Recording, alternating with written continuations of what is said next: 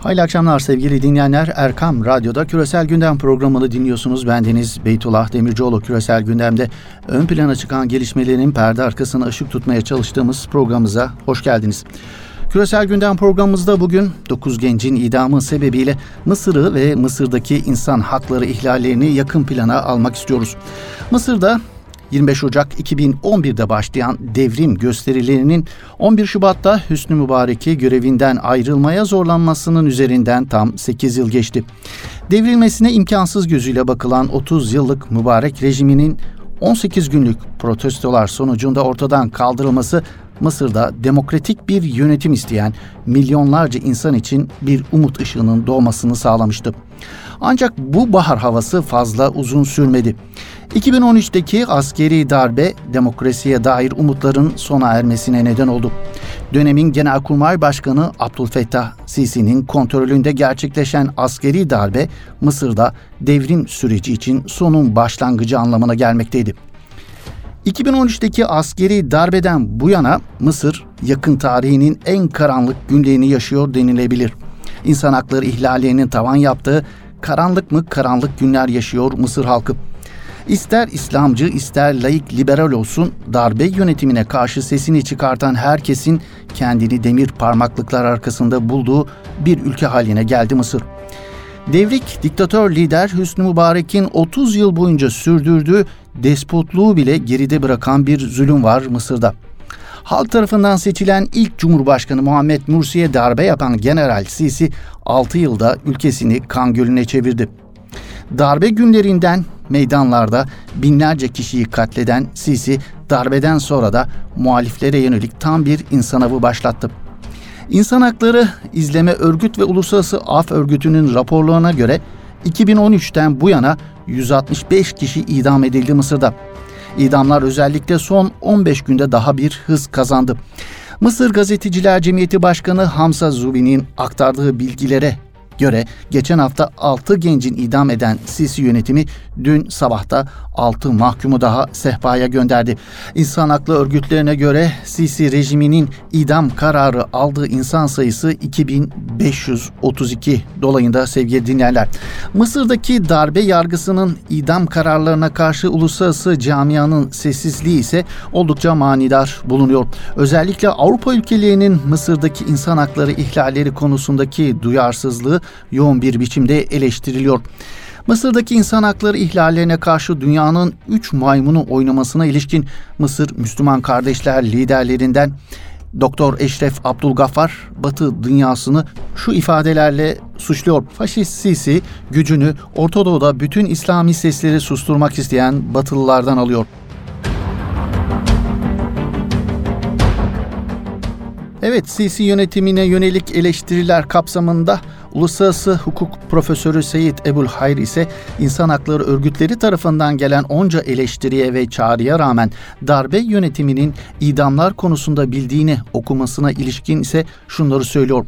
Sisi yönetiminin önemsediği iki ülke var. Amerika ve İsrail. Sisi dünyanın geri kalanının ne söylediğini umursamıyor.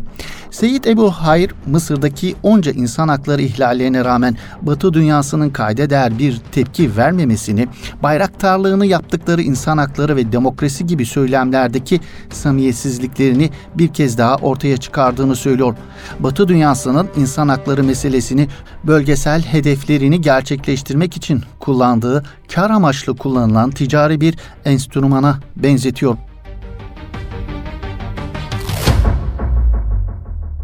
Mısır'daki idamlar ve insan hakları ihlallerine yönelik sosyal medya mecralarında da oldukça büyük tepkiler var.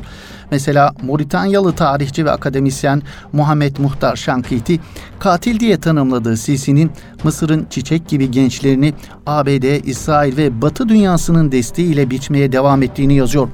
Batı dünyası adına bölge halklarının özgürlüğüne ve İslam'a karşı savaşan Sisi yönetiminin yaptıklarından Batı'nın son derece mutluluk duyduğunu da paylaşıyor. Twitter'dan yaptığı açıklamada Muhammed Muhtar Şankiti.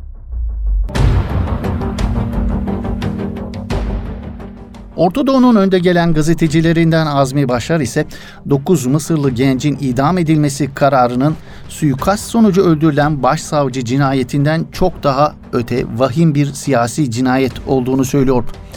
İdamlarla ilgili sosyal paylaşımlarda en çok tedavül olan tweetlerden, daha doğrusu görüntülerden bir tanesi ise idam edilen 9 gençten biri olan Muhammed'in idam kararını veren hakim ile arasındaki geçen diyalog. İdam edilen genç Muhammed kendisi ve tüm mazlum arkadaşlarıyla birlikte kıyamette Allah Teala'nın önünde kendisinden hesap soracaklarını söylüyor hakime. Hakim ise Muhammed'e ama sen de suçunu itiraf ettin diyor. Muhammed ise bunun üzerine şunları söylüyor. Sizi ve beni bir odaya kapatsınlar, bana da bir tane elektrikli job versinler. Bakın size Enver Sedat'ı sizin öldürdüğünüzü nasıl itiraf ettiriyorum.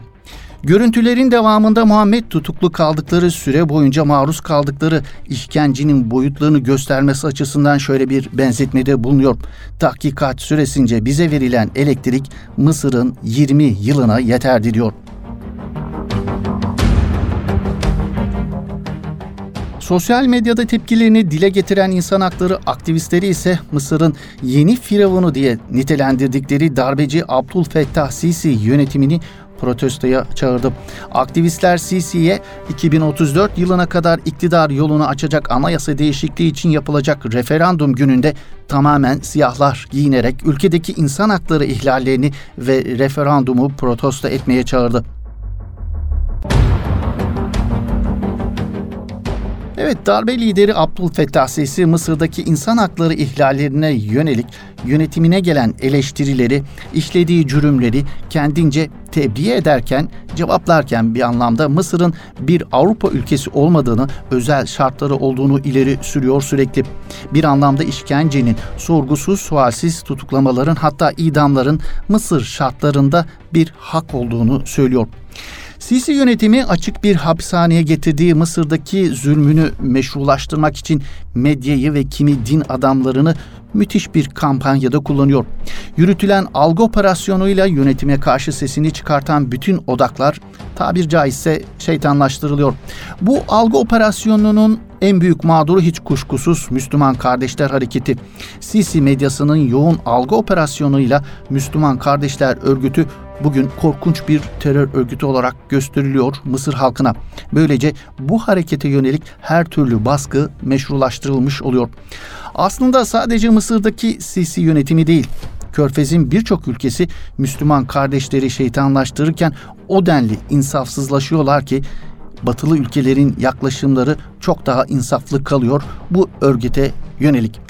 İşte Almanya parlamentosundaki İslam ve yabancı düşmanı muhalif partilerin Müslüman kardeşler ile ilgili sorular üzerine Alman İçişleri Bakanlığı'nın yaptığı açıklama bu insafsızlığı net bir biçimde ortaya koyuyor. Bugün Yeni Şafak'tan Hayrettin Karaman hocamızın makalesinde yer alan Alman İçişleri Bakanlığı'nın ihvanı tanımladığı ifadelere bir bakalım. Müslüman kardeşler en eski siyasi ve sosyal bir örgüttür. İslam dünyasında siyasi ve sosyal hayatta en etkili, halkçı ve halkın taleplerine en uygun cevap veren örgüttür. Bu örgütün hedefi Kur'an ve Hazreti Peygamber'in sünnetine dayanan örnek bir toplum inşa etmektir. Bazı İslam ülkelerinde ihvanın tasfiye edilmesi ve yasaklanmasının sebebi halkın hürriyet ve iktisadi refah merkezli taleplerini karşılamada gösterdikleri başarı sebebiyle hakka, hürriyete ve çok partili siyasete musamaha etmeyen totaliter yöneticilere rakip olmaları yüzündendir. Almanya İslam topluluğu ihvana en yakın oluşumdur ve bunlar İslam ile ilgili konularda insan hakları, siyasi ve sosyal enstitüleri ve Alman hükümetinin stratejik ortağıdır. Devlet Güvenlik Biriminin tahminine göre 1400 üyesi bulunan bu topluluk hem Almanya'da hem de Mısır ve Suriye gibi totaliter yönetimli İslam ülkelerinde insanları barışa çağırmakta ve şiddetten uzak durmaktadırlar. Evet Karaman hocamızın dediği gibi Almanya Müslüman kardeşleri bu ifadelerle tezkiye ederken Mısır ve Körfez ülkeleri Müslüman kardeşleri şeytanlaştırırken tabir caizse had hudut tanımıyor. Evet gündemden derlediğimiz haber turumuzla küresel gündem programımızı toparlıyoruz sevgili dinleyenler. Malum dün Avrupa Parlamentosu Dış İlişkiler Komitesi'nde Türkiye raporuna verilen değişiklik önerileri oylama sonucunda kabul edildi. 7 olumsuz oya karşı 47 evet oyu ile kabul edildi bu rapor. Avrupa Birliği'nde Türkiye aleyhinde çalışmalara önderliğiyle bilinen Kati Piri'nin hazırladığı raporda dikkat çeken 3 detay var. Bunlardan birincisi Suriye meselesi. Türkiye'nin Suriye'de terör örgütü YPG PKK'ya yaptığı operasyonlardan duyulan rahatsızlık rapora da yansıyor. Raporda Türkiye'nin Afrin'de terör mevzilerini yok etmesine yönelik eleştiriler dikkat çekiyor. Dikkat çeken bir başka detay Türkiye ve Rum kesiminin doğal kaynak arama ve işletmede dahil olmak üzere egemenlik haklarına saygı duyması çağrısında da bulunuyor rapor. Üçüncü dikkat çeken detay ise terör suçlarından tutuklanan milletvekilleriyle ilgili bir önerge komisyon raporunda yer alıyor. Raporda terör suçlarından Edirne F tipi cezaevinde olan Selahattin Demirtaş hakkındaki Avrupa İnsan Hakları Mahkemesi kararına karşı Ankara'dan gelen mesajlar kınanıyor.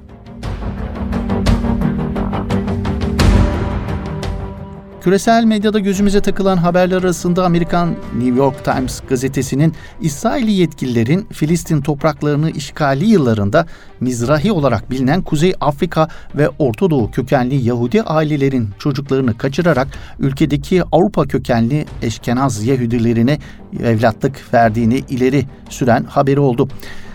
Malin Fezahi imzasıyla yayınlanan habere göre İsrail'in kurulduğu yıllar olan 1950'lerde binlerce bebek ve küçük yaştaki çocuk ailelerinden koparılarak çocukları olmayan eşkenaz Yahudilerine evlatlık verilmiş. O yıllarda yaşanan konut sıkıntısı nedeniyle geçici barınma merkezlerinde kalan ve çoğunluğu Yemenli olan Yahudi ailelere bebek ve çocuklarının öldüğü söylenmiş ancak ailelere evlatlarının ne cesedi ne de mezarları gösterilmiş. Evet Yemenli çocuklar olayı adı verilen süreçte resmi rakamlara göre binden fazla çocuk kayboldu. Ancak haberde insan hakları savunucuları bu rakamın 4500 kadar olduğunu savunuyor. İnsan hakları savunucuların New York Times'a yaptığı açıklamada İsrail yönetiminin çocukları sistematik bir şekilde ailelerinden kopardığını belirtiyor.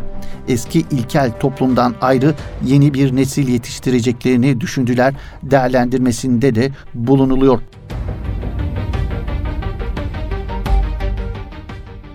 Sürekli dillendirilir İran yönetiminin yıllardır sürdürdüğü İsrail'e yönelik efelenmesinin inandırıcılıktan uzak olduğu bu konuda İran'ın Filistin konusunu kendi Farisi hedefleri için suistimal ettiği ileri sürülür.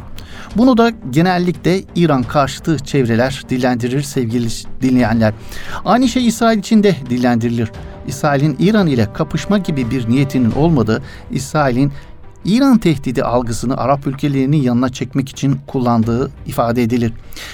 İran'ın İsrail ile kapışma gibi bir niyetinin olmadığını İran içerisinden pek duymamıştık.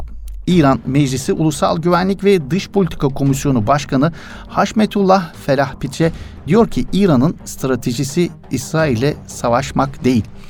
İran'ın Şepistan Haber Ajansı'na dış politika ilişkin değerlendirmede bulunan Felah Pişe İsrail ile aralarında son zamanlarda tırmanan gerginliğe rağmen Tahran'ın Tel Aviv'e yönelik savaş stratejisi izlemediğini ifade etmiş. İran Dışişleri Bakanı Cevat Zarif'in pazar günü 55. Münih Güvenlik Konferansı'nda yaptığı konuşmada İsrail ile savaş riski çok yüksek şeklindeki ifadelerine işaret eden Felahat Bişe, Sayın Zarif konuşmasında önemli konulardan söz etti ancak İsrail ile savaş meselesine değinmemesi gerekiyordu. Çünkü ne bizim stratejimizde İsrail ile savaş var ne de İsrail'in stratejisinde İran'la savaş dedi.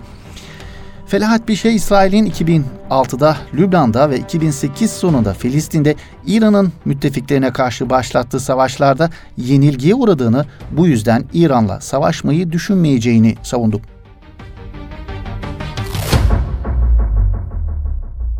Geçtiğimiz küresel gündem programımızda Rusya Dışişleri Bakanı Sergey Lavrov'un ABD'nin Suriye'de Fırat'ın doğusunda sözde bir devlet kurmaya çalıştığı açıklamasını paylaşmıştık. Lavrov'un bu açıklamaları Rus medyasında da değerlendiriyor Rus uzmanlar tarafından. ABD'nin Fırat'ın doğusuna yönelik eylemlerin başlıca hedefinin Türkiye ve Şam olduğunu ifade ediyor Rus uzmanlar.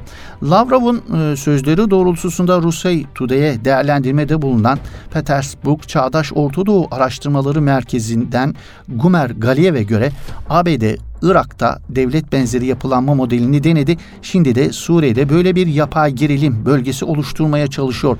Bu eylemlerin başlıca hedefi ise Türkiye ve Şam diyor Rus uzman Gumer Galiyev. Moskova Devlet Üniversitesi'nden Profesör Alexander Vavilov'a göre ise ABD'nin Suriye'de sözde bir devlet kurma planları fiyasko ile sonuçlanacak. Zira ABD için yıllardır süren bir savaşta yeni kuklalar bulmak zor olacak. Diğer yandan böyle yapılanmalar kurmak için önemli finansal kaynaklar ayırmak gerekecek diyor Alexander Vavilov.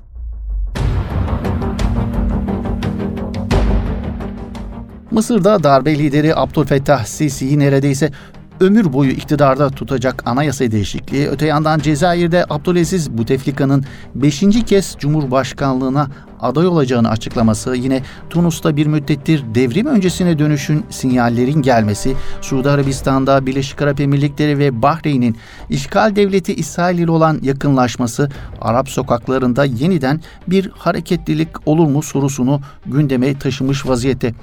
Arap dünyasındaki bu duruma işaret eden Birleşik Arap Emirlikleri'nden akademisyen Abdülhalik Abdullah Arap rejimleri Arap Baharı'ndan hiç mi ders almadı? Liderlerin ömür boyu başkanlıktan vazgeçmeleri için yeni bir bahar mı olmalı? Sorularını sorarak Arap dünyasındaki çarpıklığa işaret ediyor Birleşik Arap Emirlikleri akademisyeni Abdülhalik Abdullah sevgili dinleyenler. Evet bir küresel gündem programımızın böylelikle sonuna gelmiş bulunuyoruz. Yeni bir küresel gündem programımızda yeni gündemlerde buluşmak ümidiyle. Hoşçakalın, iyi akşamlar efendim.